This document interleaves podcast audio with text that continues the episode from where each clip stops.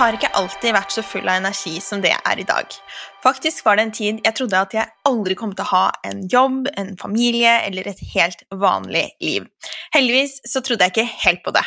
Jeg ble besatt av å finne en løsning, min løsning på å få kroppen min i balanse. Og jeg skal være ærlig, til tider så var det ganske forvirrende. For hvor mye karbohydrater er egentlig bra? Er lektiner farlig? Bør jeg faste? Bør jeg bli veganer? Alle ekspertene sa forskjellige ting, men jeg lot merke til at det var én ting som gikk igjen tarmen. Og da jeg studerte ernæring, så skjønte jeg hvorfor. Da jeg droppet alle reglene og gjorde tarmen til mitt hovedfokus, falt brikkene på plass. Ikke bare fikk jeg resultatene, jeg følte en enorm frihet i forhold til mat. Å spise for tarmen er gull, og det er for godt til å ikke dele.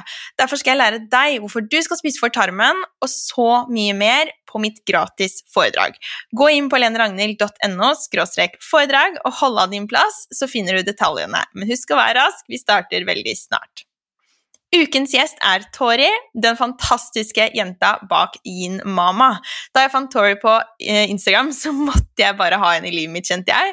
Hun gir meg en fantastisk ro og har lært meg så mye om å leve mer yin. Og det er helt uten dårlig samvittighet. Jeg elsker å snakke med henne, og du kommer til å kose deg masse og lære så mye i denne episoden. Jeg lover. Velkommen, Tori. Så utrolig koselig at du vil komme hit til Klar, ferdig, glød. Å, takk for at jeg får komme. Så koselig å få prate med deg. Veldig veldig koselig. Først og fremst vil jeg jo høre hvem er Tori? Eh, vil du fortelle litt om deg selv? Ja, jeg, eh, jeg heter Victoria, og jeg er egentlig uh, britisk, men født og oppvokst i Norge. Og alle har egentlig kalt meg Tori, så det er der det navnet kommer fra. Og jeg er utdannet akupunktør og så er yogainstruktør og wellness coach og gründeren bak konseptet Yin-mamma. Eh, og merket Yin-mamma. Eh, og jeg bor her i Stavanger med mannen min og fire år gamle sønn Matheo. Å, så koselig! Det var egentlig det sånn rett over. Jeg pleier alltid å spørre om eh, morgenrutiner, og så fikk jeg mail av en venninne som bare 'Hvor er barna under disse morgenrutinene?' Så tenkte jeg kunne spørre deg som har en fireåring, da, klarer du å ha en morgenrutine også med et eh, barn? Ja, altså for oss så eh, Vi har funnet det som fungerer for oss. og Det føler jeg er det viktigste for alle familier. å Ikke sammenligne oss, men egentlig finne noe som fungerer for seg selv. Eh, men meg og mannen min vi er vi er veldig opptatt av at hvordan vi starter dagen, det påvirker hele dagen vår. Så det er veldig viktig for oss å få litt egen tid for å forberede oss litt til dagen. Eh, og det som vi egentlig gjør, Vi står opp rundt eh, kvart på seks-seks, for han lille våkner tidlig. Eh, og da pleier meg og Matheo vi går opp på kjøkkenet og begynner å lage frokost. Og egentlig har en veldig sånn rolig morgenstund, oss to. Det er veldig deilig. Eh, veldig myk, veldig yin. Eh, og mannen min han, han, gjør seg klar, og han gjør faktisk litt yoga og meditasjon. og det er litt morsomt, for Vi har vært sammen i ti år, og han er jo ingeniør og veldig seriøs. og hvis, altså Han hadde sikkert ikke kjent seg selv igjen etter liksom, da, eh, men det har blitt en viktig del. Så han får gjort det, og så kommer han opp, og så spiser vi alle sammen frokost. Eh, og det er en veldig sånn rolig, behagelig start på dagen. Så eh, drar de av gårde i barnehagen ca. ti over syv. Og da eh, tar jeg alltid litt tid til meg selv. Og det som er viktig for meg, det er um, eh, Jeg drikker alltid masse vann med en gang jeg våkner. Det kan Jeg si. Jeg kommer opp kjøkkenet, jeg drikker vann. Men da når de har dratt, så jeg fortsetter i pushen, og jeg eh, bare eh, går ut på eh, utstua, gjør litt del yoga, og det er ofte veldig rolig. Det er liksom yin-yoga. Det er egentlig bare sånn myke bevegelser for å, for å vekke kroppen forsiktig, for å knekke det. Og så gjør jeg litt deilig meditasjon. Um, og så går jeg inn på badet og gjør drybrushing. Elsker tørrbørsting. Tar en deilig dusj. Uh, og, og, sånn starter jeg dagen. Og Av og til så tar dette et kvarter, og av og til så tar det um, en time.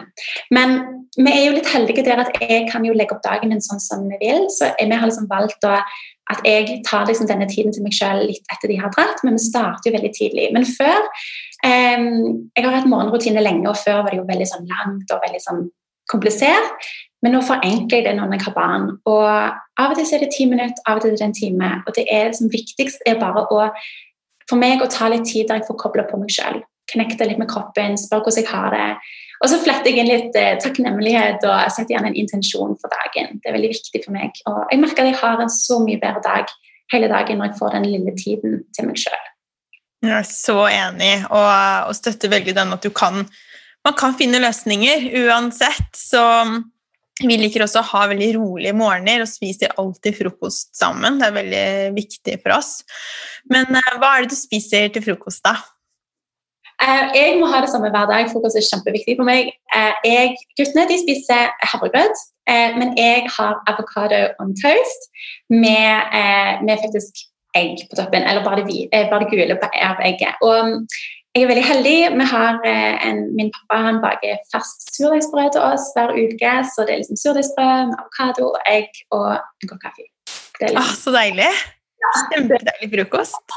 Hver dag. Mm. Ja, men ja, ja, jeg kjenner meg så igjen. Jeg er skikkelig vannmenneske. Og det har vært for sånn fire måneder av gangen. da, samme alltid liksom, og så bare sånn samme smoothie hver dag i perioder. Og, ja, veldig jeg må jo ha en smoothie da mellom eh, frokost og lunsj. Da har jeg alltid en smoothie, og det merker jeg bare booster hele systemet. Men eh, det, jeg tror det som du sa med nøkkelen, er gjerne det med litt rutine.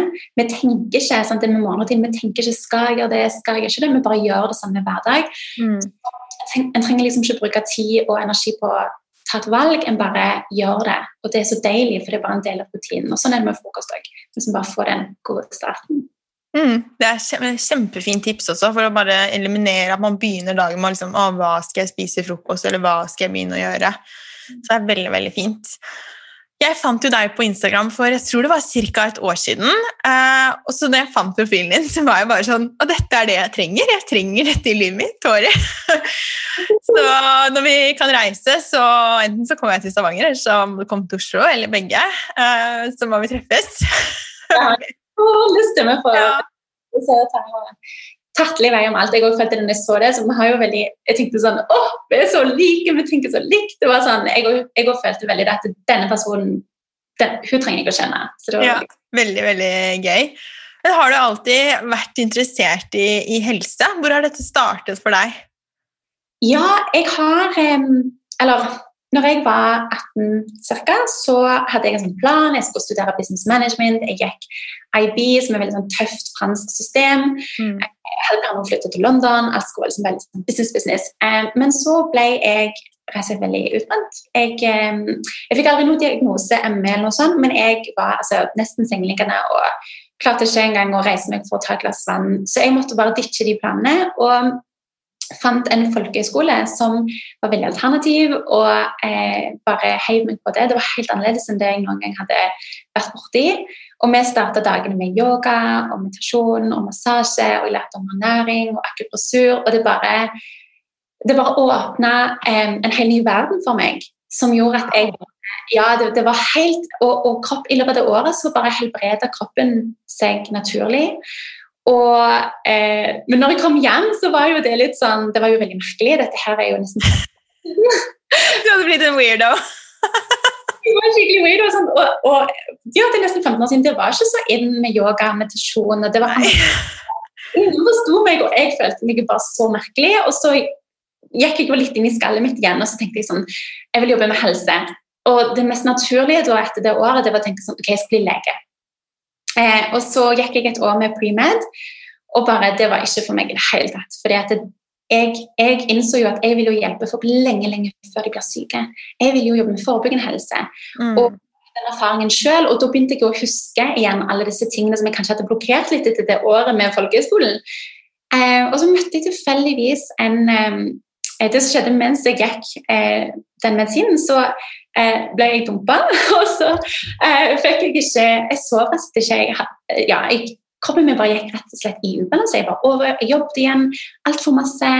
Eh, og så ei klasse min hun var akupunktør, og hun bare 'Jeg skal hjelpe deg'. Ok, Så jeg fikk masse akupunktur, og det var så magisk. Jeg bare forelska meg i akupunktur. Og bare dette skal jeg gjøre. Så jeg tok en bachelorgrad i akupunktur. Eh, og så eh, bare begynte å jobbe med kiropraktorer, fysioterapeuter, osteopater. Eldste det. Eh, Flytta hjem til Stavanger, fikk barn. Og det var, jo, eh, det var jo en omveltning å få barn. Det var fantastisk. Men jeg var litt sånn Jeg har balanse. Jeg, tenkte jeg hadde klekt den koden. Og, og, det var jo det jeg hjalp andre med. Sant? Å, stresse ned og, og behandle mest kvinner egentlig for plager relatert til stress. Eh, men når jeg ble mamma, så hadde han kolikk. Og det var veldig tøft, veldig, veldig tøft, og jeg følte at jeg mista litt av meg sjøl, jeg mista balansen, eh, og trengte veldig sårt å finne litt tilbake. Og da bestemte jeg meg for å ta en eh, yogainstruktørutdannelse. Og jeg hadde jo praktisert yoga i mange, mange år, men jeg hadde praktisert veldig aktive former for yoga. Og med en liten baby Jeg hadde lite tid, jeg, var, jeg hadde vondt i bekkenet, og jeg, hadde, jeg, trengte egentlig mest av alt å finne ro. Så den yogautdannelsen jeg tok, den handla veldig mye om, om, å roe ned. Det var veldig mye meditasjon, det var veldig yin, veldig restorativ yin, medisinsk yoga. Eh, og da følte jeg at jeg fikk roa meg skikkelig. Eh, og jeg fant nøkkelen til på en måte disse små øyeblikkene i hverdagen. Og da ville jeg egentlig dele dette, eh, så jeg eh, starta gjennom meg i 2018. Eh, og er veldig opptatt av å dele dette her med kvinner. Spesielt det om å ta vare på seg sjøl, roe ned. og forelske meg helt i Wellness World. Sant? Og har egentlig vært på den reisen i snart 15 år. Elsker det. Litt sånn, var fin historie. Det var kjempefint. Det, det er så likt som meg. Altså, jeg også hadde sånn to på en måte smeller.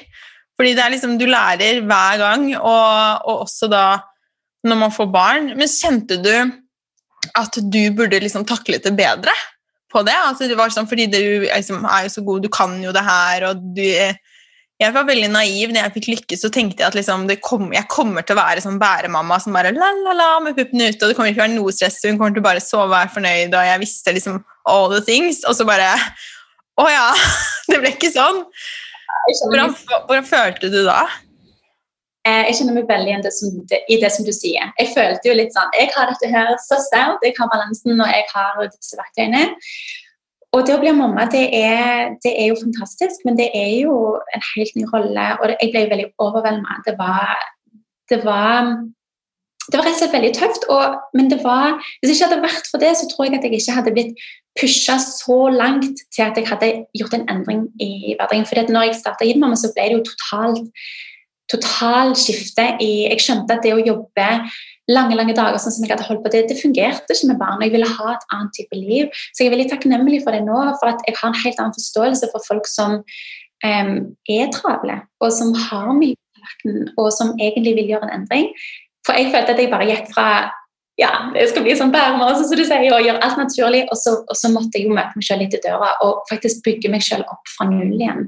Mm. Eh, det var smell nummer to, men, men, det er jeg så takknemlig for nå, fordi jeg har en så mye bedre forståelse um, og aksept for meg selv uh, at ting jeg er liksom litt ferdig med det å være perfekt og ha en idé om hvordan ting skal være. Og så har jeg liksom landa i meg selv om hvordan, hvordan, jeg egentlig er, hvordan jeg egentlig vil ting skal være. Mm. Det som passer for meg og min familie. Eh, det er liksom ikke noe fasitsvar. Det er ikke det perfekte. Og det er veldig deilig å ha um, gått gjennom det, fordi jeg føler jeg har en bedre forståelse for og kan hjelpe andre på en annen måte. da. Det er en veldig fin måte å, se det på. Takk for at du deler. Vil du fortelle litt mer om yin mama? Hvorfor, eh, og, og, for de som kanskje nå bare Hva er yin? altså, først og fremst. Ja, altså det er jo um, altså I akupunktur og i østlig filosofi så, så, snakker vi jo om um, i medisin så snakker vi om yin og yang.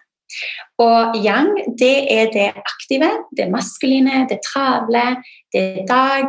Eh, det er på en måte alt som er veldig aktivitet. Og det er ofte det vi tenker som er veldig positivt. sant? Å, alt det er sosialt. Um, men så har du yin, og yin er det motsatte. Yin er det feminine, det nærende, det roende. altså Det er natt, det er hvile. Eh, og det som er at Vi må ha denne her balansen. Vi må ha yin og yang for at vi skal fungere. For at kroppen skal være i balanse, så må vi ha yin og yang. Og det som jeg, Nå har jeg jobbet veldig mange år som akupunktør, og det som jeg så, det var jo dette her med at spesielt kvinner vi har jo veldig høye standard. Vi er veldig flinke piker, og vi gjør jo alt perfekt. Og det er liksom sånn go, go, go hele tiden. Vi, jo, vi lever jo i et samfunn som er basert veldig på yang, eh, den maskuline energien, der vi skal være på hele tiden. Vi skal mestre alle områder av livet vårt. Og det er veldig lite plass eh, til yin. Og det som vi ser igjen og igjen, det er at hvis vi ikke er nære yin-aspektet, hvis vi ikke tar vare på oss selv, hvis vi ikke hviler nok, så, så blir kroppen syk. fordi at det, eh, det skjer en ubalanse i systemet vårt. Og det tåler vi i perioder. Vi tåler stress i perioder, men over lang tid så vil det være med å eh, skape en ubalanse. og Da kan vi bli syke. Så dette her med yin egentlig er bare en, en motvekt til det som jeg ser i samfunnet vårt med det yang. Eh, for jeg vil liksom at det skal være a space where you can uh, calm and care for your mind and body. Sant? At du skal finne tid til å, å ta vare på deg sjøl. Mm. Det er derfor det er yin mama. Og jeg begynte jo, eh, Grunnen til at det heter mama, er jo fordi at jeg var jo mamma sjøl, og jeg tenkte jo dette her er jo det Mamma trenger dette. sant? Mm. Så begynte jeg å bli kontakta av veldig mange kvinner som bare sa å, du, jeg er ikke mamma, men jeg føler jeg trenger det du har. Ja. Og, da, og, da, skjønte jeg at dette her Og jeg trengte det òg før jeg ble mamma. Eh, og da skjønte jeg at ok, men mamma er egentlig den the mothering av deg sjøl. Um, så det, det, det, var der navnet Yin-mamma kom inn.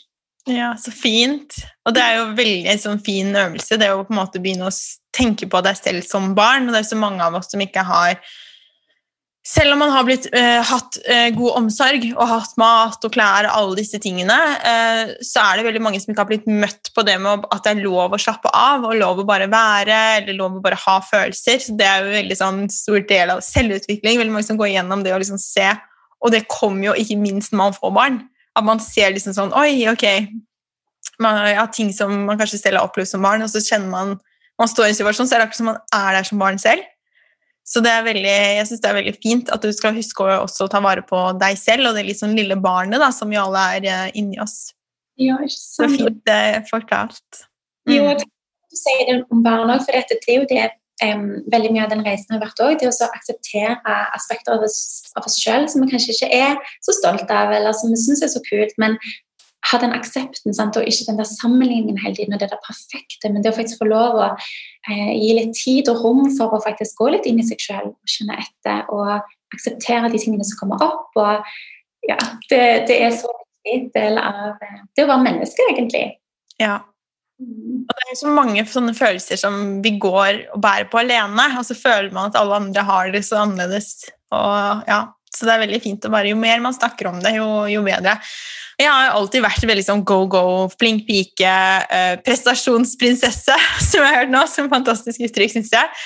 Og det tok veldig veldig lang tid for meg å skjønne at jeg trengte ro, også etter to ganger ME-diagnose. så kan du tenke deg.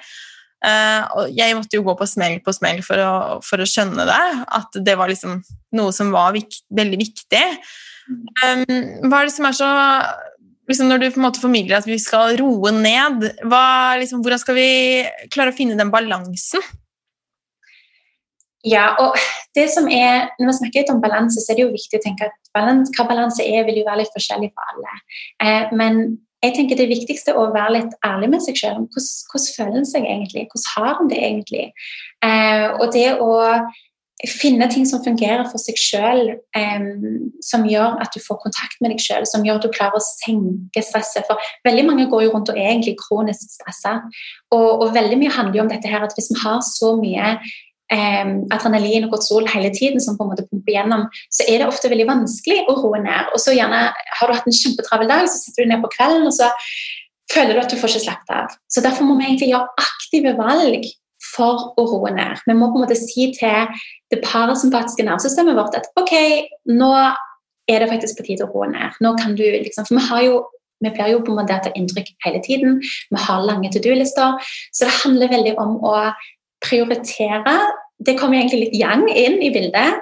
Eh, du må på en måte egentlig bevisst sette av litt tid til deg sjøl til å gjøre ting som du føler hjelper deg til å roe ned. Og det vil forskjellig for alle. Det er ingen fasit. For meg personlig så handler det om å bevege kroppen. Om det er å gå seg en tur ut i naturen, om det er å gjøre litt yoga. Eh, og så er jo jeg veldig fan av meditasjon. Og det som jeg syns er veldig fint med meditasjon, er jo eh, det er litt sånn fancy ordet egentlig bare men det handler egentlig bare om å roe, å, roe ned og se inn. Puste med magen. Lukke øynene og bare være litt. Eh, men jeg tror vi må, vi må, sette av litt tid til det bevisst. Eh, vi må få tid til det inn i hverdagen for at det skal være lettere. Det er som en muskel som vi trener. Jo, lett, jo, oftere vi gjør det, jo lettere er det å finne tilbake til den roen. Finne tilbake til pusten når ting er travelt. Og jeg tenker jo at Ofte så blir jeg spurt sånn, å, hvordan skal jeg håndtere eh, ting når det er veldig stress. Hvordan håndterer jeg stressende situasjoner? Og Da pleier jeg ofte å si at det viktigste er egentlig å øve på det utenfor de stressende situasjonene. Fordi Jo bedre ruster du, jo mer kontakt du har med deg sjøl, jo roligere du føler deg deg sjøl, jo bedre klarer du å håndtere de stressende øyeblikkene når du oppstår. Mm. Og så sette av tid til det og øve. Ja, kjempefint. Og når jeg har perioder på jobb hvor det er veldig mye, og, og sånne ting, så bruker jeg avspenning eh, veldig mye. Og det lærte jeg faktisk når jeg var på eh, sånn rehabilitering på ME. Så, så, hadde vi veldig mye avspenning og meditasjon. Og da husker jeg veldig godt at for de som ikke hadde gjort det før, så var det veldig utfordrende. De lå litt sånn en halv centimeter over matta og bare klarte ikke helt, og det var ubehagelig og liksom kribler i kroppen og sånn, men du kan virkelig øve deg på Og da kan du komme i en sånn state så fort når du har øvd. Da kan du på en måte omtrent hvor som helst da, bare gå inn i deg selv og finne den roen. Så det er liksom bare å bli mer bevisst på pust og Tenk å være sånn, gjøre ingenting eller gjøre masse. Liksom, og så blir man jo mye mer effektiv også. som du sier, Hvis man setter av tid og planlegger og tar bort ting som egentlig ikke har så mye å si, og så, også er flink til å ja, prioritere da, det som er viktig for deg. Akkurat. Um, og det er jo litt ukomfortabelt å skulle møte seg sjøl. Det er det. Og i hvert fall hvis vi har veldig høyt, høyt gir, eh, så kan det faktisk være litt ubehagelig å kjenne på hvor mye stress som faktisk er i kroppen. Eh, men det er som sagt en øving, og jo mer en klarer å være med det og gi slipp på det Og det trenger ikke være sånn at du skal meditere en time til dagen sant? eller 20 minutter. Det kan faktisk være to minutter her og der. Eh, men det å jeg hører jo veldig ofte at jeg har ikke tid, eller sånne ting, og det, det skjønner jeg. Men akkurat det som du sa noe med, du har mer fokus Det er jo masse forskning på meditasjon for eksempel, som sier at du får mer fokus, du får mer energi, du får mer klarhet. Så istedenfor å pøse energien ut overalt, så får hun da på en måte sentrert seg sjøl, og så kan du velge å være mye mer til stede. Det gjør jo at jeg eh, personlig føler at jeg får eh, mer connection med de rundt meg, jeg er mer produktiv på jobb. Um, faktisk etter jeg begynte å meditere, så kan jeg korte ned arbeidsdagen min fra åtte timer til fire timer. Men jeg får gjort det samme. Jeg får gjort mm. mye mer konsentrert, det er mye mer positiv energi i det. Og fordi jeg har tatt vare på meg sjøl, fordi jeg har sentrert meg sjøl, så kan jeg da eh, være mye mer bevisst på den energien som jeg gir ut òg. Jeg har jo lyst til at folk skal føle seg bra med de rundt meg. Jeg, jeg vet sjøl at jeg er ikke så veldig hyggelig å være rundt hvis ikke jeg har tatt vare på meg sjøl. ja. altså, jeg blir sur og irritabel og mm jeg, rett og slett, jeg vet at jeg er en bedre mamma, jeg er en bedre kone, venn, søster eh, når jeg tar vare på meg sjøl. Eh, og da er det noe jeg bare må prioritere. Det er noe jeg må sette tid til. Og så kan jeg også nevne at det er ikke alltid jeg har lyst. For det er ofte ting. sant? Det er ikke alltid jeg har lyst. Og veldig mange sier sånn Ja, det må være så greit for deg å bare du har så lyst til det. Men av og til er det andre ting jeg mye heller har lyst til å gjøre. Et spennende prosjekt jeg har lyst til å jobbe med. og jeg er ofte veldig sånn, jeg er veldig kreativ, sånn, så jeg har veldig mye energi, så jeg har ofte veldig lyst til å ture på, og så smeller det. sant? Men det, mm, ja. at hvis jeg klarer å stoppe meg sjøl og tvinge meg sjøl til å bare sentrere, så får jeg så mye mer ut av alt det andre etterpå. Og da mm. blir person å være rundt, og jeg har en helt annen energi som jeg putter inn i jobben min. Så det er rett og slett noe jeg må gjøre for min egen helse, men det er òg noe jeg må gjøre for de rundt meg. Og når, når jeg er bevisst på det, at dette er noe positivt som kan hjelpe de rundt, da er det mye enklere å sette tid til det. For du mm. føler deg egoistisk. Det er ikke egoistisk å ta vare på seg sjøl, for det gagner ingen at du blir det gagner ingen at jeg blir utbrent eller er sur. Sant? Det er mye bedre om, om, jeg kan ta vare på meg sjøl og, og, være en bedre versjon av meg sjøl. Og da må jeg rett og slett bruke litt Disiplin har jo veldig dårlig rykte, eller dårlig, kanskje dårlig ordvalg, men det handler litt om å være kanskje litt streng med hvordan sette av tid til ting. Velge ting bevisst, selv om det ikke er så gøy i øyeblikket. Men så får du så utrolig mye igjen for det etterpå. Mm. Ja, være strukturert. Det er kjempe det er kjempeviktig, og det er jo liksom Uansett hva slags jobb du har, hva slags hverdag du har, så, så er det så relativt. Jeg tror veldig mange, jeg også hadde samme erfaring når jeg fikk barn, at det var veldig sånn Oi, hva brukte jeg tid på før? Så du har som regel mye mer liksom, tid Eller som jeg pleier å si til mine kunder, da, som er en sånn irriterende ting, at det bare tid er den eneste ressursen som er helt rettferdig fordelt. Alle har like mye! Så det er liksom Det er bare hvordan du prioriterer å bruke den, da. Som f.eks. å legge seg tidlig, eller ja. Men det er virkelig noe med å øve og så få litt det beviset på at det funker når jeg liksom, for først begynte å ta yoga, så gikk jeg veldig mye på helsesenter, eller på treningssenter, og så tok jeg ofte liksom først en sånn cardio energy-time, og så gikk jeg en time på yoga. Og så gikk jeg alltid før savasna, fordi jeg bare Det har jeg ikke tid til. Da går jeg før den. Jeg var den personen, liksom. Og bare tenkte at det skal bli litt mykere, og liksom, det er bra med yoga. Sånn. Det er litt sånn eh, stereotypisk. Men um, når jeg fikk på en måte eh, bevis da, at jeg så jeg begynte å meditere, så så jeg effektene. Og jeg merker virkelig sånn Det er så mange gode effekter av meditasjon at uh, hvis vi bare kunne få det som en pille, liksom, så hadde alle leger brukt den. Det er jo helt vilt. Altså, de ser jo endringer på hjernen din, du blir jo faktisk mer produktiv. Du, blir, du får ned inflammasjon, som betyr igjen sant, at du får mindre smerter i kroppen, du får finere hud, går ned i vekt. Det er bare alt av fordeler man kan tenke seg, eh, er det jo. Så hva ville du sagt til en som, eh, som tidligere på en måte, yngre Helene? da? En som bare Nei, jeg har ikke tid til å meditere. Ja, det er jo Um, det er et veldig bra spørsmål, og, og, det er jo det som jeg også hører veldig ofte. Og først så tenker jeg litt sånn, Hvis vi ikke har to minutter eller fem minutter til å sitte med oss sjøl og puste, så er det kanskje noe veldig galt, egentlig. Det er, altså, alle har to eller fem minutter. Så den unnskyldningen, den på en måte den, Jeg tenker at det handler om noe dypere her. Her handler det egentlig kanskje om hvorfor syns du det er ukomfortabelt? Sant? Hva er det egentlig som er ukomfortabelt med å sitte med seg sjøl? Og det er ukomfortabelt, og det kan være skummelt å kjenne på det stresset og møte seg sjøl. Um, men det rådet mitt er å ikke overkomplisere det, og kanskje ikke engang bruke ordet eh, meditasjon. Jeg husker Du skrev et kjempebra innlegg en gang om at du, du kalte det ikke engang meditasjon. Du bare, du bare slapp av og lå meg sjøl og puste med magen.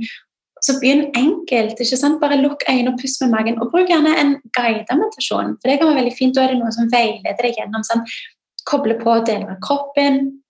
Kjenne bevisst at du slapper av i, i, i musklene i armene, i beina. Koble på um, altså, um, Bare kjenne at du trekker pusten godt ned i magen. Uh, og jeg kjenner jo med en gang jeg begynner å snakke om det, ikke sant, så roer jo Ja, ja, så bare ah, Med en gang. bare blir det liksom mye roligere. Og, og når begynner, bare begynn forsiktig. Begynn to minutter, bare commit to it. fordi så kjenner du sjøl effekten på kroppen, og da er det noe som en bare blir nesten litt sånn frelst. En bare elsker det. Mm. Ja, ja. Det blir sånn noe man liksom unner seg selv. Men hvordan, har du noen sånn spesifikke apper eller sånn som du liker å bruke, eller som du anbefaler? Ja, altså jeg har brukt veldig mye Før så brukte jeg veldig mye Headspace. Jeg har også brukt, eh, Og de har også kommet ut med Netflix-serie. Eh, så jeg har ikke sett den ennå, men om meditasjon. Så det syns jeg er veldig spennende. Mm, det må jeg se. Um, ja, eller Calm. Den er det mange som liker. Det er en som heter men den har jeg ikke prøvd. Også, men nå bruker jeg egentlig ikke apper. Nå, nå mediterer jeg egentlig bare sjøl. Og ofte så er det bare at jeg lukker øynene og puster, og andre ganger så går jeg veldig sånn i dyp meditasjon. Jeg gjør veldig mye sånn, renser ut veldig mye sånn gamle frykter og jobber veldig mye med mindset og, og det er jo liksom, Vi kan prate litt om dette, men det er jo ofte når du driver din egen bedrift, så må du møte deg selv mange frykter. Eh, så jeg gjør veldig mye sånn selvutvikling i meditasjon. Oh, kan du lage sånne? Kan du ikke lage guidet meditasjon? Det hadde jeg lett kjøpt av deg. Businessidé. noen guidede meditasjoner som, som, er på nettsiden, som jeg kan gå og sjekke ut. Eh, og jeg har spesielt åtte meditasjoner som guider gjennom visualisering. Eh, og til og med en meditasjon som handler om sånn, å, gi, altså, hente, å gi seg selv lys. Da, sant? Å sende lys til kroppen, gi seg selv energi, roe ned. Mm. Og, og, det er ting som, som nå bruker jeg ikke app lenger, nå gjør jeg veldig veldig mye sjøl. Det, det, kommer veldig, det kommer veldig naturlig for meg. Jeg, er, jeg, har alltid vært veldig veldig sensitiv for energi. Eh, og jeg har, jobber jo med energi. Akupunktur handler jo om literally skape balanse i kroppen. Eh, og da når du begynner å meditere eller begynner å få kontakt med deg sjøl, så, så, begynner det magiske ting å skje. Du begynner å slippe gamle frykter. Du begynner, du, du begynner å rydde ut det gamle som du ikke trenger, det stresset som egentlig bare tar plass. som egentlig bare kloter ting til og gjør at du får brain fog og blir sliten. Og så er det plutselig plass til deg. Og Det er det jeg syns er deilig meditasjon. Eh, så ja, de kan sjekke det på Gimma, eller så kan du f.eks. bruke Headspace. Det er veldig sånn enkle meditasjoner å begynne med. Mm. Eller bare lukke øynene. Altså, Hvis ikke de som hører på nå har lyst til å meditere, så skjønner jeg ingenting. jeg, jeg tror jeg må logge av. En av de tingene som jeg i hvert fall um, syns har tatt min meditasjon til et nytt nivå, er jo den nydelige yogamatten din. Altså, jeg elsker den, og jeg fikk den jo av deg, så hashtag sponset. Men hvis ikke så hadde jeg kjøpt den selv. Den er så deilig. Dette er jo også en yogamatte i ull. Hvor kom ideen om å lage en yogamatte i ull? Takk. og først må Jeg bare si takk, for jeg ble så glad for å høre det. Og, um, altså, Jeg har jo eldst yogamatte i ull i, siden jeg tok yogautdannelsen min. For det, det som var at jeg, som jeg nevnte, jeg har jo alltid bare gjort, gjort aktive former for eh, yang-yoga. Og når jeg gikk utdannelsen min, så eh, hadde de sånne hvite ullmatter. Og jeg bare altså jeg bare tenkte Hvor har dette vært? Sant? Dette her, jeg bare, Lover, where have you been? liksom. og vi, um, og vi brukte jo, den, ligger jo, den ligger jo bare hjemme. Vi har to stykker liggende alltid på gulvet. Alle bruker den i familien min, og det er det jeg hører fra, fra, fra folk.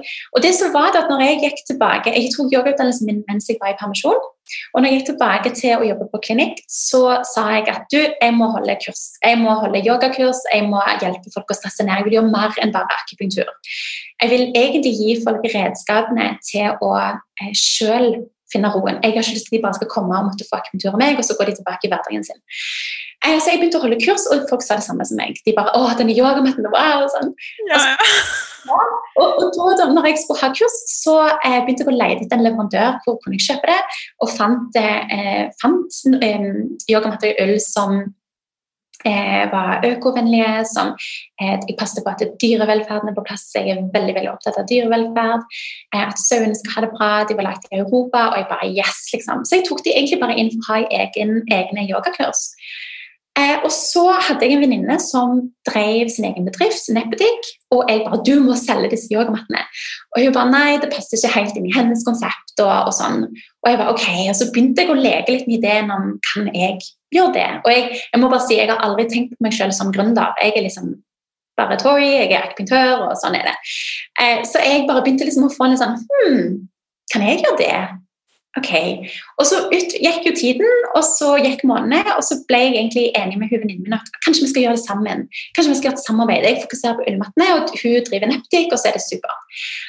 Og det som var at Jeg hadde jo en ganske liten baby. altså Matheo var jo bare rett over et år.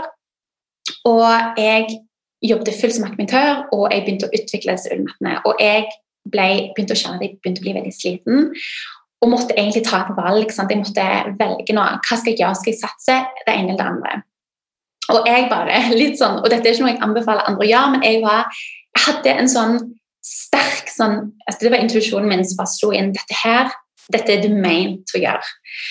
Så, men jeg skjønte jo at jeg holdt på å bli sliten, og jeg bare fant ut neste dag at jeg bare sa opp jobben min som akupunktør og bare skulle satse helt og fullt på dette. Og det var veldig spennende, og det var masse adrenalin. Og så gikk det bare noen få uker, og så fant meg og venninnen min ut at egentlig så fungerte det ikke helt sammen. Vi hadde bare forskjellige ideer om hvordan vi ville gjøre ting. Og det var helt greit, men jeg fikk jo litt sånn shit. Nå har jeg sagt opp jobben min, og jeg har, ingen, jeg har ikke en plattform. jeg har ingenting. Og jeg hadde en, sånn, en dag med fullstendig panikk. Men det som skjedde, var at jeg eh, kanskje for aller, aller første gang sånn ordentlig eh, bare satt meg ned med meg sjøl. For alle rundt meg fikk jo litt sånn hetta. Sånn, 'Skal du gå tilbake til akupunktør?' Sånn, jeg hadde jo sagt Hva skal dere? Men det som skjedde, var at jeg satt med meg sjøl og bare tenkte OK. Og da kom den intuisjonen. Da kom den stemmen. Dette er veien. Alt dette skulle skje for en grunn. Dette her er, dette er meningen. Så jeg bare stolte på det og tenkte ok, jeg skal begynne å bygge, jeg skal begynne å, jeg vil, jeg vil ha en plattform. Og jeg ville jo gjøre mye mer. Jeg skjønte jo at det handler mer om yogamatter. Det handler jo om et konsept, ikke sant? om å virkelig hjelpe. For jeg hadde lenge hatt en idé om at ok, jeg har lyst til å hjelpe. Hvordan kan jeg hjelpe mer enn bare én og én? Og da kom jo plutselig, da begynte bare ting å skje. For jeg hadde sagt til universet jeg er klar. Jeg bare liksom hoppet ut ikke sant? Hoppet ut av redet og var klar. Og da begynte jeg å få masse hjelp, masse inspirasjon. Intuisjonen min slo inn, og jeg begynte å skjønne at ok, jeg kan lage kurs, jeg kan hjelpe folk til å forstå dette her med hvordan de kan ta vare på seg selv, hvordan de kan roe ned. Eh, og yogamatten er bare en sånn nydelig supplement til det. Men det tok tid å utvikle, ikke sant? og jeg lanserte det i august 2020. Så det, det, tar jo veldig lang tid å utvikle et produkt. Eh, for jeg, jeg, gjorde jo om med designet, og jeg ville jo ha lysegrå, jeg ville ikke ha hvit. Så det var egentlig en veldig sånn prosess. Det startet med en sånn liten idé. Noe jeg selv, For meg har det aldri, aldri handla om business eller penger. Det har aldri vært det for meg. For meg er det liksom Dette her er noe jeg lever, puster, brenner for, bruker. Jeg føler verden trenger dette. Og så mm. hopper ja. Og jeg er veldig glad for at det har blitt så godt tatt imot, og at folk er så glad i, glad i disse ullmattene. For det, mm. endrer på en måte hele yogapraksisen, føler jeg. Det endrer hele roen du kan få av å ligge på noe mykt. Eh, og spesielt om morgenen, bare for alle de som har lyst til å gjøre litt Det frister ikke alltid å liksom legge seg på den harde yogamatten. Når du har liksom noe ull, er det bare så deilig. Ja, det er fantastisk. Altså, her hjemme er det sånn Jeg selvfølgelig bruker den. altså Hunden vår ligger på den. Uh, han får ikke lov, så han har den ikke liggende. Jeg tør ikke det. Og Lykke liker den, og hun driver og tar uh, super kråke på den. Og alt sånt Og til og med uh, Jeg kan si det siden Jonak hører på podkasten, men han til og med liker å ligge på den. med matte med teppe på. Han bare ligger der og bare mm, Han er så glad i varme. Så den er virkelig helt fantastisk. og det er så fint hvordan du forklarer reisen. Jeg kjenner meg så igjen selv. For det er liksom det med at alt springer ut i det å ha lyst til å hjelpe noen til å få til det som har hjulpet altså det som har hjulpet deg, da, du har så lyst til å dele det. Og jeg hadde jo samme erfaring med at jeg jobbet på klinikk og hadde liksom én-til-én-kunder og sånn, og bare følte at det, det, ble liksom Jeg vil ikke sitte og liksom si akkurat hva noen skal spise, jeg vil gi dem den gaven at de selv kan kjenne etter i sin kropp. og jeg fikk akkurat nå tilbake noen tilbakemeldinger, og da var det liksom en som bare, liksom, Alt rundt mat har bare endret seg fundamentalt for meg. Da. Jeg ser på mat på en annen måte, og virkelig sånn, nå skjønner jeg signalene for kroppen min. og det liksom ha den, de verktøyene, og det er jo det som du gir. ikke sant? Det At man får både inspirasjon til å roe ned, og at det er lov, og du finner de verktøyene som gjør at, at vi syns det er fint å gjøre det, da, som gjør at man koser seg med det. For det er jo så viktig. hvis man, Uansett hva man skal få til i livet, så er det veldig mange av oss, sånn som meg i hvert fall, at jeg elsker å ha sånn som her jeg har rolleren min fra deg. ikke sant? Jeg liker å ha sånn, jeg liker at den er fin å se på. Det er viktig for meg at den er, har gullkork, ikke er eh, liksom eh, Ja, sånn, så det er bare hele konseptet. At det blir veldig fristende å være i, da. Så jeg elsker det og syns det er bare så sånn on point, da, hele brandet. Tusen takk. Det, altså, ofte når du tenker alternativ det, Jeg har en venninne som ler av meg når jeg sier at jeg ikke ser meg selv som så veldig alternativt.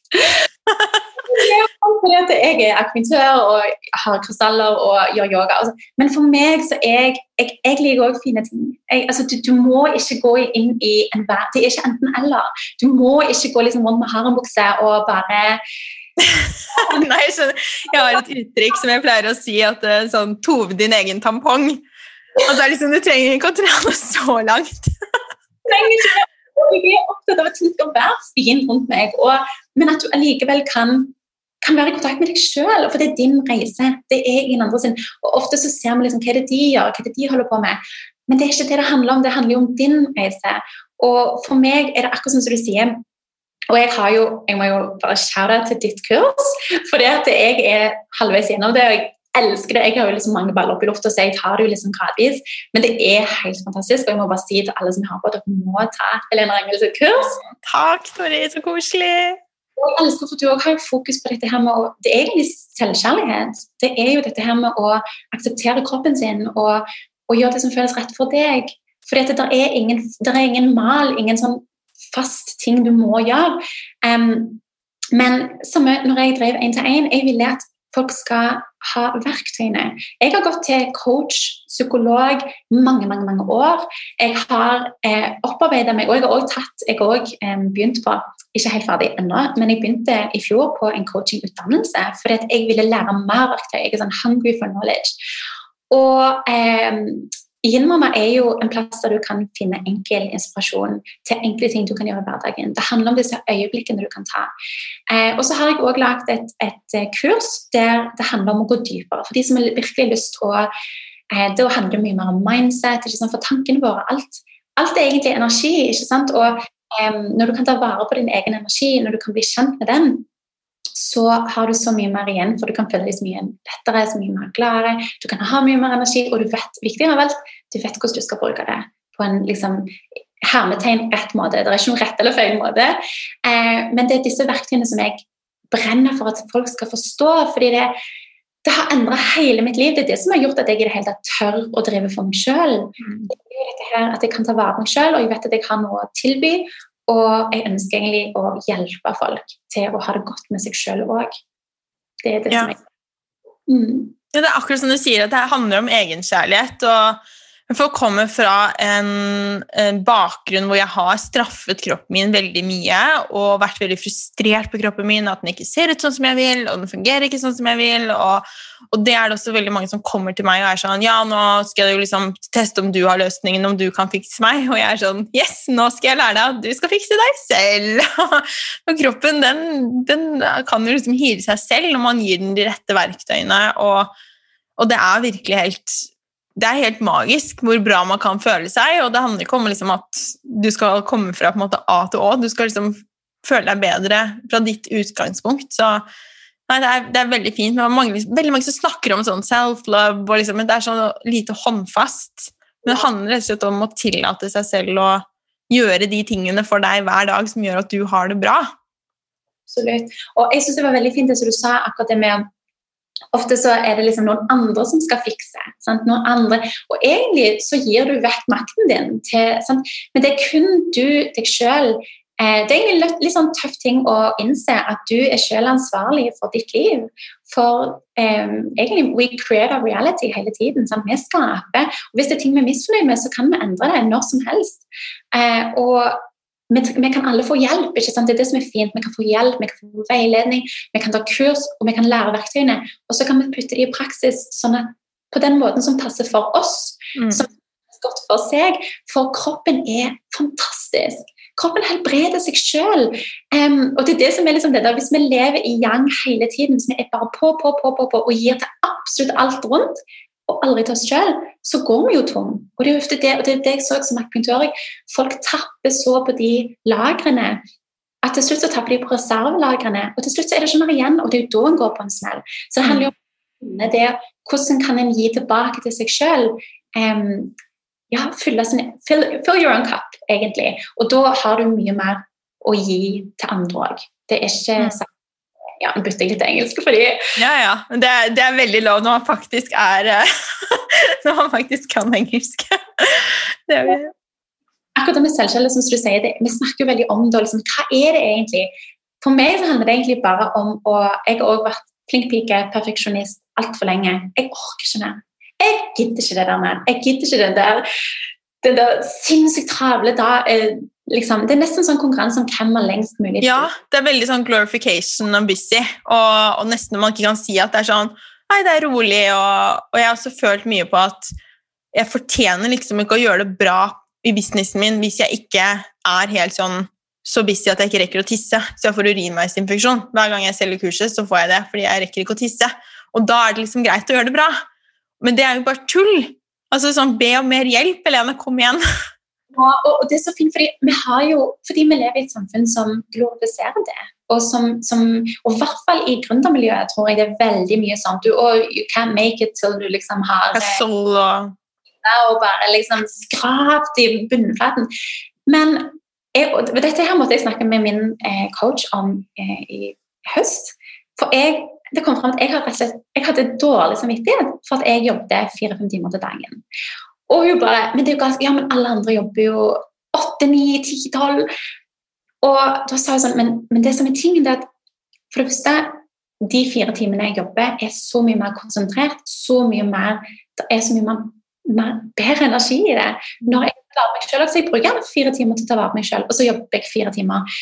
Men effekten av det er som de åtte timene. Eh, for Hvis en er kjempesliten, så er det jo litt hva en putter i ting òg. Det er det er derfor jeg ikke jeg klarer ikke å være ansatt eller jobbe eh, under noen andre eller liksom ha liksom, time for time. Det fungerer ikke for meg. Det fungerer kanskje for andre, men akkurat jeg er en sånn person som bare går på smell på smell på smell hvis jeg gjør det. Så det å slippe den der Hva er det som du må gjøre? Hva er det som skal gjøre? Og faktisk finne ut hva som fungerer for en sjøl. Og gjøre det uten dårlig samvittighet. Den der samvittigheten, den orker jeg ikke bære på lenger. Nei, det er kjempefint. Og min, en av mine motivasjoner til å slippe det, er jo alltid hva er det jeg vil modellere for lykke. Det er liksom alltid jeg kommer tilbake til det. Og at jeg vil ikke vise henne det at den mest selvutslettende mammaen er den beste. Og at du kan ikke liksom eh, Du må være sliten hele tiden. At det er det som Da er du eh, suksess, da. Og det er ikke sånn det trenger å være. Og vi, vi har nok vokst opp gjerne med en generasjon med mødre som har måttet ofre veldig mye og jobbet veldig mye for at vi skal ha det bra. Og, og det er jo hva du blir innlært. ikke sant? Vi har jo alle tankemåter og mønster som er innlært. Det er ingen babyer som er født og tenker at å, jeg fortjener ikke kjærlighet. jeg fortjener ikke. De, de kommer inn i verden og bare demander det. sant? Og så lærer vi etter hvert at å, liksom, det, det innlærte det er jo hva miljøet rundt oss sier, hva foreldrene våre har sagt oss. Og så har vi disse her innlærte tingene at sånn er det. Det trenger ikke være sånn. Og, og, det er veldig viktig å begynne å snu om på det og være nysgjerrig på ok, hvor kommer dette fra? Hvorfor tenker jeg egentlig sånn? Hvorfor må jeg straffe kroppen min? Hvor, jeg vil heller være glad igjen. Og så kan en begynne en sånn egen indre reise. Og så er det viktig å si at en trenger ikke gjøre alt på én dag. For jeg er jo sånn utålmodig, skulle helst gjort alt i går. Og det viktigste lærdommen for meg har vært det med tålmodighet. Å stole på at ting skjer når det er rett, ting skjer når det er ment. Um, jeg har hatt en veldig sånn fordi jeg har store ambisjoner, jeg har masse jeg har lyst til å oppnå. Som sagt, jeg skulle helst blitt gjort i går, og tiårsplanen min skulle helst skje i morgen. Eh, så har jeg lært det at hvis en kan stole på at alt er sånn som det skal være hele tiden, og alt en lærer, det, der er en gave i det, det er en lærdom i det, da kan en på en måte slappe litt av i det og vite at ok, jeg er her jeg er. Jeg, jeg trenger ikke å se rundt hva alle andre gjør.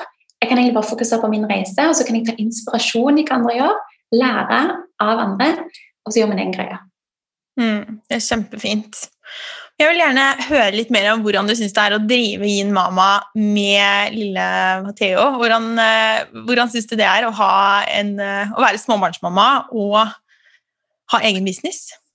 Det er det har krevende perioder. Det er ikke noe å legge skjul på. Jeg, jeg, har nok funnet en mye bedre balanse nå enn det jeg gjorde første året. Første året da jobbet jeg helger, jeg jobbet kvelder. Jeg jobbet, altså det er jo mye arbeid som skal til når du skal lansere noe. Men nå har jeg vel gjerne eh, funnet den balansen der jeg må koble av. Jeg må være med Matheo. Jeg vil være til stede med han. Og da har jeg rett og slett en Sånn som jeg sa, jeg, det enkleste er kanskje å skjønne at hvis ting er sånn som det skal være nå, så har jeg en plan, og så gjør jeg de tingene, så kan jeg ikke gjøre mer. Da var jeg ferdig i dag. Og så klare å lukke den døren og være til stede. Så jeg på en måte de flyter jo veldig inn i hverandre, for jeg er veldig kreativ. og Når du jobber for deg selv, så tenker du jo ting hele tiden, og du får ideer hele tiden. Så min største utfordring er jo det å være til stede. Men jeg har et litt sånn mantra da, som er liksom Do it with balance and joy, or don't do it at all. Og da tenker jeg at når jeg er mamma, når jeg er med Matheo, så, så vil jeg være til stede. Og da må til andre ting vente. Og jeg har begynt å bli veldig flink til å bare OK, jeg rakk ikke det i dag. Greit, eh, de mailene får vente til i morgen. Og bare egentlig gi meg selv litt slack. Eh, og så heller da bruke verktøy eh, som meditasjon, som yoga, for da vet jeg at jeg er mer konsentrert når jeg jobber. Så egentlig alt henger veldig fint i sammen. Når jeg gir til meg selv, så kan jeg gi mer til businessen, så kan jeg lukke døren, og så kan jeg være til stede med familien min. Og så er det en sånn fin balanse der. Mm. Men det er ting som jeg er i konstant læring. altså. Jeg, jeg går på noen smeller, og det er ikke alltid så enkelt å, å prioritere det ene over det andre. Og tankene kommer litt, men, men det er øving. Det er øving. Mm. Ja, og liksom hele tiden bare huske på å være bevisst og, og tenke at sånn, det er så fint du sier at liksom, jeg er i øving, istedenfor å bli sint på deg selv og bare 'Å, jeg fikk ikke til nå heller', eller 'nå var jeg en dårlig mamma', eller Det er liksom Og så er det jo så lenge, sånn, Jeg merker jo nå som Lykke er litt eldre, hun er jo litt yngre enn Theo, da, hun er jo snart tre, så er det liksom litt lettere å si at mamma må fikse noe for jobb, og at liksom det er Lære henne også hva det betyr, da, hvorfor jeg prioriterer å jobbe av og til i helger og sånne ting, og hvorfor det liksom Hva det betyr for oss. Og det er jo det som er fint også med å drive selv, at det, på en måte, det er jo en grunn til at man blir så engasjert og har så lyst til å gjøre det lille ekstra hele tiden. Det er jo fordi det er drømmen vår, og vi, det betyr så mye. og det det er ehm, jeg vet ikke, Hvordan syns du det er hjemme? Har dere liksom fin balanse på det at uh, mannen din liksom skjønner det? Eller kjenner du noen ganger at det er liksom bare du som kan skjønne det, at dette er din drøm? Begge deler. Jeg føler jeg synes Det var veldig fint det som du sa, det å, å si til Matheo og til minner mannen min på det òg, at dette her er jo, dette er jo meg. Dette er jo, det, det, er ikke bare en, en, jobb jeg går til, så er jeg ferdig. Dette er jo, dette er jo egentlig meg i et nøtteskall, nesten. Yin-mamma er jo på en måte hele min, mitt hjerte, holdt jeg på å si. Eh, og de forstår det heldigvis. Og jeg, har, jeg er veldig heldig som har um, støttespillere i livet mitt som, som, støtter meg 100 Og til og med de få få gangene der jeg har vingla litt og vært usikker, så har jeg fått sånn heiagjeng um, bak meg. Det, jeg er veldig veldig heldig der. Det har ikke alltid vært nødvendigvis sånn med venner og sånne ting. Og, og det er veldig viktig å ha det med at familien forstår hvorfor du gjør det. og hva, det er liksom Hvorfor er så viktig, hva som er liksom your why, det er den som er i bunnen. Og da kan jeg som du sier, prate med Matheo om at mamma må jobbe litt, eller sette litt tid til mm. For det er det som er så viktig, eh, at han forstår. Og jeg vil jo gjøre det. Jeg får jo så mye energi av å gjøre det at eh, de gangene jeg har bare liksom tatt meg helt fri så er det veldig dårlig, men så veldig herlig. Men jeg, jeg, vil jo gjøre dette, så jeg må ha den balansen. Og da er jeg en lykkeligere mamma og lykkeligere kone. Da, derfor støtter de det. Ja, og Det er så fint at man kan se hverandres forskjeller. Altså jeg, det, å, det, å, dele inspirasjon og det er så viktig for meg. Jeg, jeg vet ikke hvorfor jeg syns det er ålreit å dele at jeg lager noe mat på Instagram, men jeg syns det er ålreit. Jeg syns det er veldig hyggelig å ha kontakt med den liksom, lille liksom, store gjengen da, som jeg er. Så liksom, det er jo veldig sånn my people, som jeg føler er som meg. ikke sant? Så det også er så fint, og de meldingene man får, og det liksom det tror jeg aldri andre helt vil skjønne. Uh, at, hvor mye det betyr å få den tilbakemeldingen på det som du virkelig legger sjelen din i. Da. Så det er noe helt spesielt. Det er jo en gave det at vi får lov til å jobbe på den måten vi gjør. Det er det, og det, jeg tror det aldri vil Ingen vil noen forstå akkurat hva en selv gjennomgår, for det er jo, sånn, det er jo baby nummer to for meg. Sant? Og det er jo sikkert for deg òg med businessen din. og um, det er derfor det er så fint når du kan prate med mennesker som er så inspirerende som deg. Så kan vi ha en samtale der du føler at det er folk som forstår det, ikke sant? Og Det er derfor det er så viktig å ha um, networke litt og, og, og, egentlig komme i kontakt med mennesker som gjør litt samme, fordi da føler du at det, du er ikke helt alene i det. Og det er, det er, det er noe veldig spesielt som en må se som en gave, og som verdsetter. Og, ja. Mm, helt enig. Men hvilke tips ville du hatt, liksom, eller hva ville du sagt til mamma nå som har store drømmer, men som også vil være til stede eh, hjemme? Um, jeg føler det eneste, jeg, jeg hoppet jo inn i dette her sånn der, bare plaska ut i denne her gründerverdenen. og Det er først nå jeg har skjønt at oi, jeg er gründer sant, og har starta noe. Og, så mitt tips hvis du er helt ny og du har lyst til å prøve, så er det å lytte inn. Lytt inn til deg sjøl. Fordi at intuisjonen den er så sterk. Det er jo den jeg er mest opptatt av at folk skal utvikle og, og virkelig på en måte dyrke. fordi at den intuisjonen vår, den har, vi har alle svarene inni oss. Så hvis du føler litt sånn Ha, det har jeg litt lyst til å gjøre. Hvis det er noe som du syns er spennende, og du, mamma, og du, er mamma og du har masse ting og du er travel, så begynn i det små. ikke sant? Lytt inn og kjenn hva er rett for meg. Begynn å gjøre de små endringene. Vær nysgjerrig. Um, kanskje begynne å, Ofte så sammenligner vi jo med oss sjøl med andre som er kanskje kapittel 10, og du er kapittel 1, og så det, føles det ut som veldig veldig lang vei. Men alle har jo begynt en plass. Jeg, det var ingen som visste om meg for to og et halvt år siden at jeg liksom hadde lyst Det var bare en idé. Mm. Og så Jeg hadde jo Matheo, jeg var jo travel, men jeg begynte bare i det små å prioritere tiden min. Jeg begynte å velge vekk ting som egentlig ikke ga meg noen ting.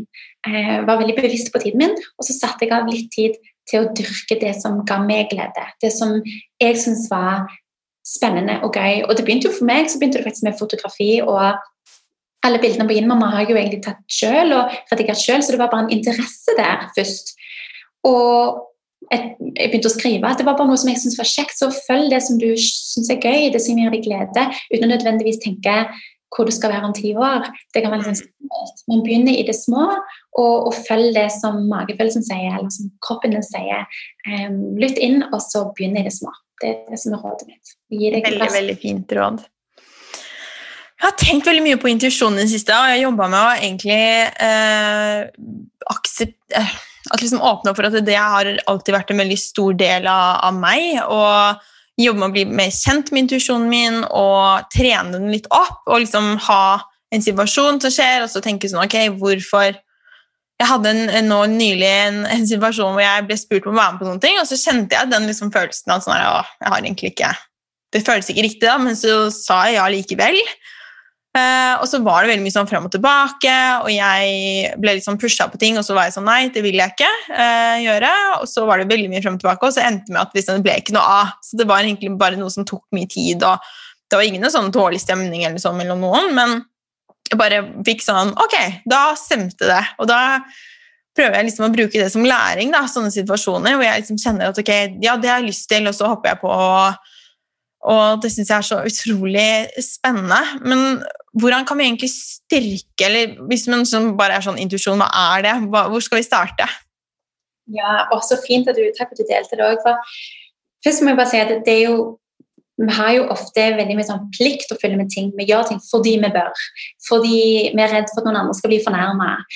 Det, og veldig, det er veldig innlært hos veldig mange, spesielt kvinner, eh, at vi er sånn people pleasing. ikke sant? Men egentlig så hver gang du gjør noe som egentlig ikke kjennes greit, så sier du egentlig ja til noen andre og nei til deg sjøl. Og det over tid det kan på en måte være med å kanskje svekke litt den selvfølelsen, egentlig, fordi at en føler at en ikke helt har kontroll. eller har ikke helt... Og alle har jo intuisjon. Eh, men hvordan intuisjonen er, den kan være litt annerledes. Noen sier å, jeg kjenner det i magen'. Ja, det er meg. Ja, noen har det gjerne i hele kroppen. De bare liksom, vibrerer, sant? eller de kjenner det.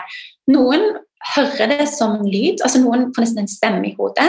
Og noen er veldig visuelle, så de kan nesten se det for seg. Så jeg tenker det første, Hvis du tenker sånn, å, jeg har ikke kontakt med intuisjonen min, så kan det hende at intuisjonen kan se veldig annerledes ut ut ifra deg som person. da.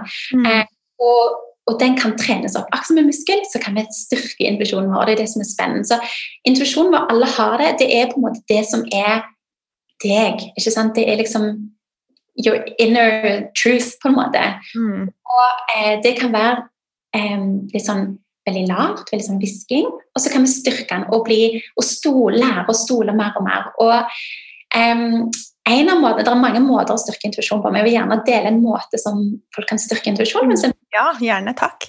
Og det er, um, det er litt sånn hvordan det føles i kroppen. Så som sagt, Det kan være du hører det, det kan være du ser det for deg, akkurat som sånn ja eller nei, eller det kan være du kjenner det.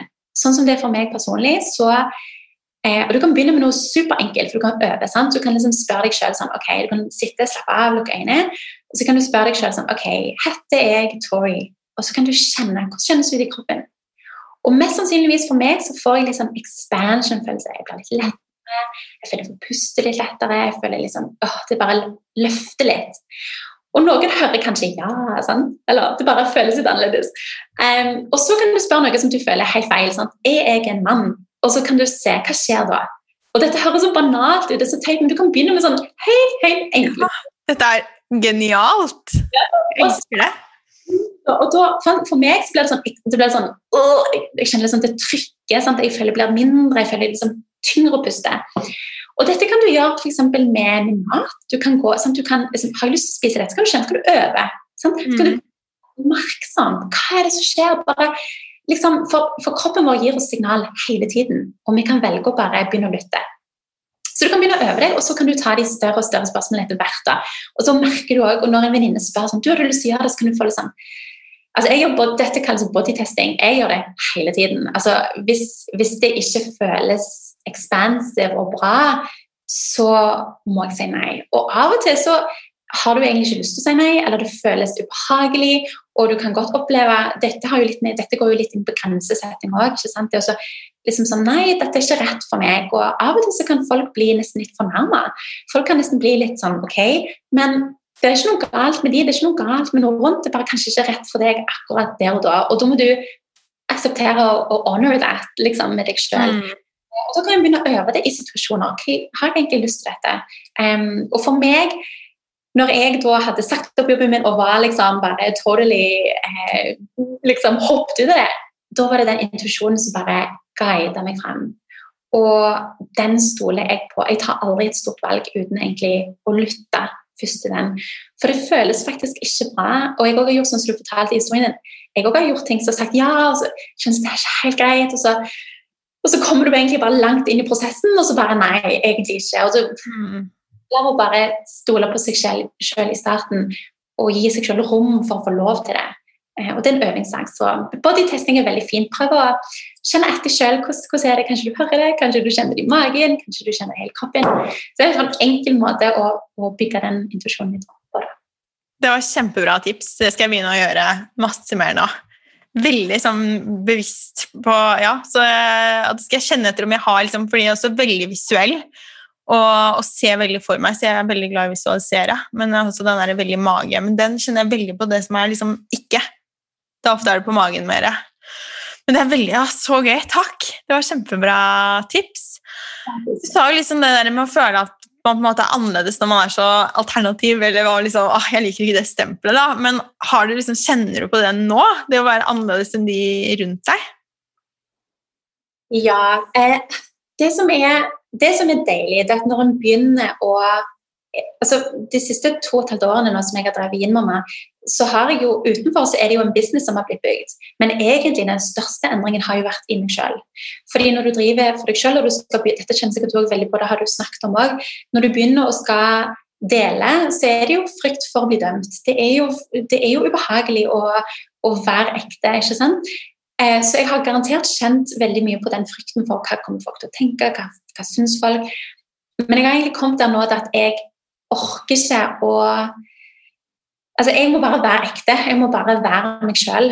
Og jeg vil ikke at noe skal gå på bekostning av hva jeg trenger. Og jeg har dessverre um, altså Det som skjedde i starten, det var at når jeg begynte å endre på ting Og dette skjer. Hvis du begynner å jobbe med deg sjøl, hvis du begynner å endre tankemønster, du, du begynner å ville ha litt andre ting for deg sjøl, så opplever du gjerne at du er i i hvert fall Jeg opplevde at jeg var i samtaler situasjoner som jeg bare kjente ikke meg selv igjen i. Jeg, det, bare, det fungerte ikke helt, det aligna ikke helt. Og det som jeg, jeg måtte rett og slett velge vekk en del ting. Og jeg har det vondt, men jeg har òg mista eh, noen vennskap. For dette, det, bare, det fungerte bare ikke lenger. Og det er ikke noe galt med den ene eller den andre. Det er bare at det, det er bare ikke, vi er ikke på bølgelengde lenger. Og det som er litt skummelt når dette begynte å skje, det var jo at um, det er liksom en sånn tomrom, eller sånn vacuum. fordi ofte så må du clear out before you can um, call in. Mm så skjedde det liksom noe det sånn rart, men jeg bare følte at ok, men jeg må jo være meg. Jeg kan ikke, jeg kan ikke late som noe annet. Den intuisjonen min, den, den, my truth, ble bare så sterk at jeg måtte bare følge den. Men så begynner det jo å skje noe magisk. Og det er jo at Når du begynner å endre deg, så tiltrekker du deg jo fantastiske andre mennesker som deler din måte å tenke på. Nå får jeg sitte her og ha en samtale med deg, ikke sant? og jeg begynte liksom plutselig å få kontakt med folk eh, som, bare, som har blitt mine beste venner, og som jeg bare er så takknemlig for å ha. Ikke sant? Og de hadde jeg jo ikke møtt hvis ikke jeg hadde tort å være meg sjøl. Mm. Så, så, jeg tror det handler litt om å Det er litt skummelt å være annerledes, så jeg kjenner på det av og til. Og, eh, men, men jeg, jeg, orker ikke bry meg lenger. Nå vil jeg bare være meg, og så kan folk like det. Og det som er veldig viktig å huske på, det er at alle Jeg må si det på engelsk. Um, other people's opinion of you is none of your business. Det er faktisk Det har ingenting med meg å gjøre hvis noen andre mener noe. for dette, Folk kan bare tenke ut ifra sin egen situasjon, ut ifra sine egne erfaringer. Og da er det kanskje noe, Hvis noen blir trigga av noe som du gjør eller jeg gjør, så er det kanskje fordi det er noe som de trenger å jobbe med, eller som de trenger å se på, eller som, som kanskje noe som de egentlig har lyst til å gjøre, men som kanskje ikke tør. Ikke? Det er så mange aspekter. Så jeg har skjønt at det handler ikke om egentlig om meg, hva andre folk tenker. Det handler ikke om meg, det handler om de. Og når du kan gi slipp på det litt, og du kan kjenne at du er kun ansvarlig for deg sjøl, så er det så befriende, for da kan du liksom ta valg som, som Så lenge du lever på en måte godt og vil, altså, i kjærlighet og har lyst til å på en måte dele det som er godt, så tenker jeg at da må man jo bare være seg sjøl. Så får folk ja. tenke jeg er så enig, og du, du, er kjempeflink til å sette ord på det. Det er, eh, det er vel noe som jeg gikk gjennom veldig i fjor, eh, fordi jeg følte at det, hele verden var i endring, og jeg fikk plutselig sånn en følelse av at jeg måtte liksom endre veldig det jeg egentlig ville, og liksom gi avkall på mange av mine drømmer for at det skulle passe inn i den måte, forventningen jeg trodde. ikke sant? For det er ikke alltid den egentlig er der, hvis du spør eh, som andre hadde. Og, og, min erfaring også er jo at eh, mennesker, om det er venninner og sånne ting, noen ganger så har liksom folk også blitt litt borte, og så har de på en måte kommet tilbake. Så har man liksom funnet en sånn felles For det er ikke alltid folk er klare heller for å ta mer ansvar for eget liv. Eh, og man er veldig i den der at man skylder på andre. og, og det, det, handler ikke om at, liksom, sier, at det er ikke noe galt med andre mennesker. Eh, ever. Det er mer at man liksom ikke er klar, og at man, vi har alle mange sår som gjør at vi på en måte, ja, tenker liksom, blir trigget av andre. ikke sant? Og, det, og nå har jeg altså Jeg hørte noen si at uh, liksom, Hun sa sånn Jeg er Altså, de som dømmer meg, og som ikke, liksom, ikke liker meg, uh, de kjenner meg ikke. fordi hadde du kjent meg, så hadde du likt meg. Hun var bare så liksom, sikker på at hun bare, jeg er et godt menneske. Altså, du må gjerne være uenig, selvfølgelig, men liksom, du hadde ikke på en måte sterkt mislikt meg da, hvis du hadde kjent meg. Og det er liksom noe med det at man ser så utrolig lite av en person i sosiale medier. Jeg vet jo at det er store ting som har skjedd i mitt liv de siste årene som jeg ikke har delt i det hele tatt i sosiale medier, fordi det ikke passer å dele. og det har også gjort at jeg har blitt veldig obs på de jeg følger. At jeg har lett for å tenke at liksom, deres liv er så enkelt, eller hvorfor gjør de sånn? eller og så bare Å, herregud, husk, liksom, du vet ikke hva som er på baksiden. Og bare det, husker Mentoren min sa det til meg. Hun var bare sånn, Du er redd for å bli dømt til henne, men du dømmer. Alle dømmer. Og da It's ok! bare, bare glem det, liksom. Og jeg bare, ja. Så det er kjempe, kjempefint å høre at du snakker om det. og bare sier, ikke sant? Vi vil jo bare se mer, og jeg vil jo bare se masse mer. Det jeg også, ikke sant? Jeg vil jo se alt. Jeg bare Hva spiser du? Hva gjør du? Hva mediterer du? Hvilke krystaller har du? Show me it all! Så det er veldig bra. Altså, jeg må jo også si at jeg, jeg, har jo jeg har bare vært på Instagram i et år.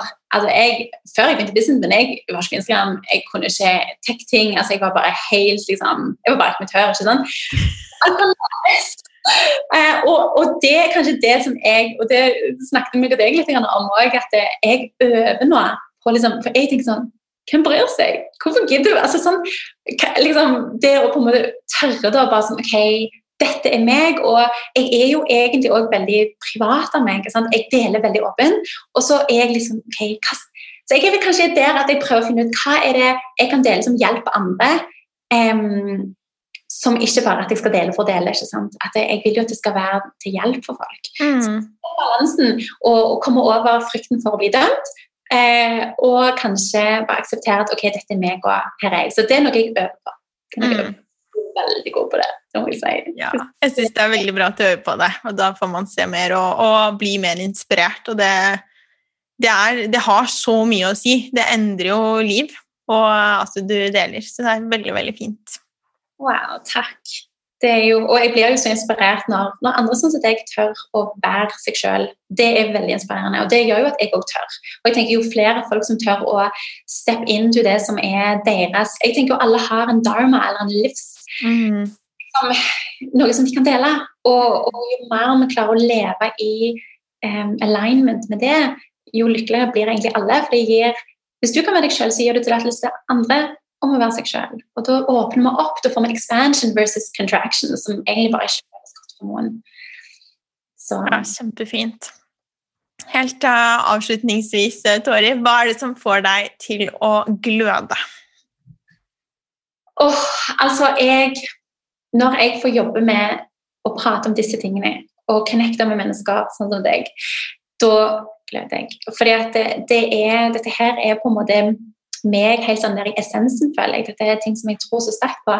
Når jeg får lov å sitte med meg sjøl og være nysgjerrig, selv om det er skummelt, eh, så kan det føles veldig ubehagelig, men da når jeg på en måte kommer og ser lyset og, og finner ut av ting og så er det altså så deilig. Da får jeg glede. Så jeg føler at jeg må liksom gjøre av det litt arbeid for å da kunne åpne opp. Lære og få dele. Det er det som gjør at jeg gløder. Ta vare på meg sjøl. Da, da, er jeg en bedre versjon av meg sjøl. Tusen takk. Jeg syns i hvert fall du er veldig glødende, så fortsett med alt, eh, alt det. Og jeg setter veldig pris på det. Hvor er det vi kan eh, finne deg for å følge deg og reisen med Yin Mama? Du kan finne meg på yinmama.no eh, eller på Instagram yinmama.bytory. Deilig. Det skal jeg. Og jeg anbefaler sagt alle å få seg en sånn matte. Sette rett på ønskelista. Det er uh, veldig fint å ha sånne konkrete ønsker, syns jeg, som faktisk gir så mye glede, og du kan selge den inn til hele familien. For det, er i mange menn tror jeg, som ligger på den matta, som ikke vil innrømme det. og tusen, tusen takk eh, for denne samtalen. Jeg fikk komme og snakke med deg. Det har vært helt, helt fantastisk. Takk for at du ville komme. Og meg det finner dere på helenragnhild.no og Helene Ragnhild på Instagram og på Facebook på Helene Ragnhild ernæring. Og husk å gå inn i podkast-appen din og gi meg fem stjerner. Det betyr så mye for podkasten, og at jeg kan fortsette å dele sånne fine samtaler som i dag. Tusen tusen takk, Tori, for at du har vært med. Gleder meg til at vi kan møtes uh, in real life. Og så ønsker jeg deg en veldig fin dag videre. Tusen takk.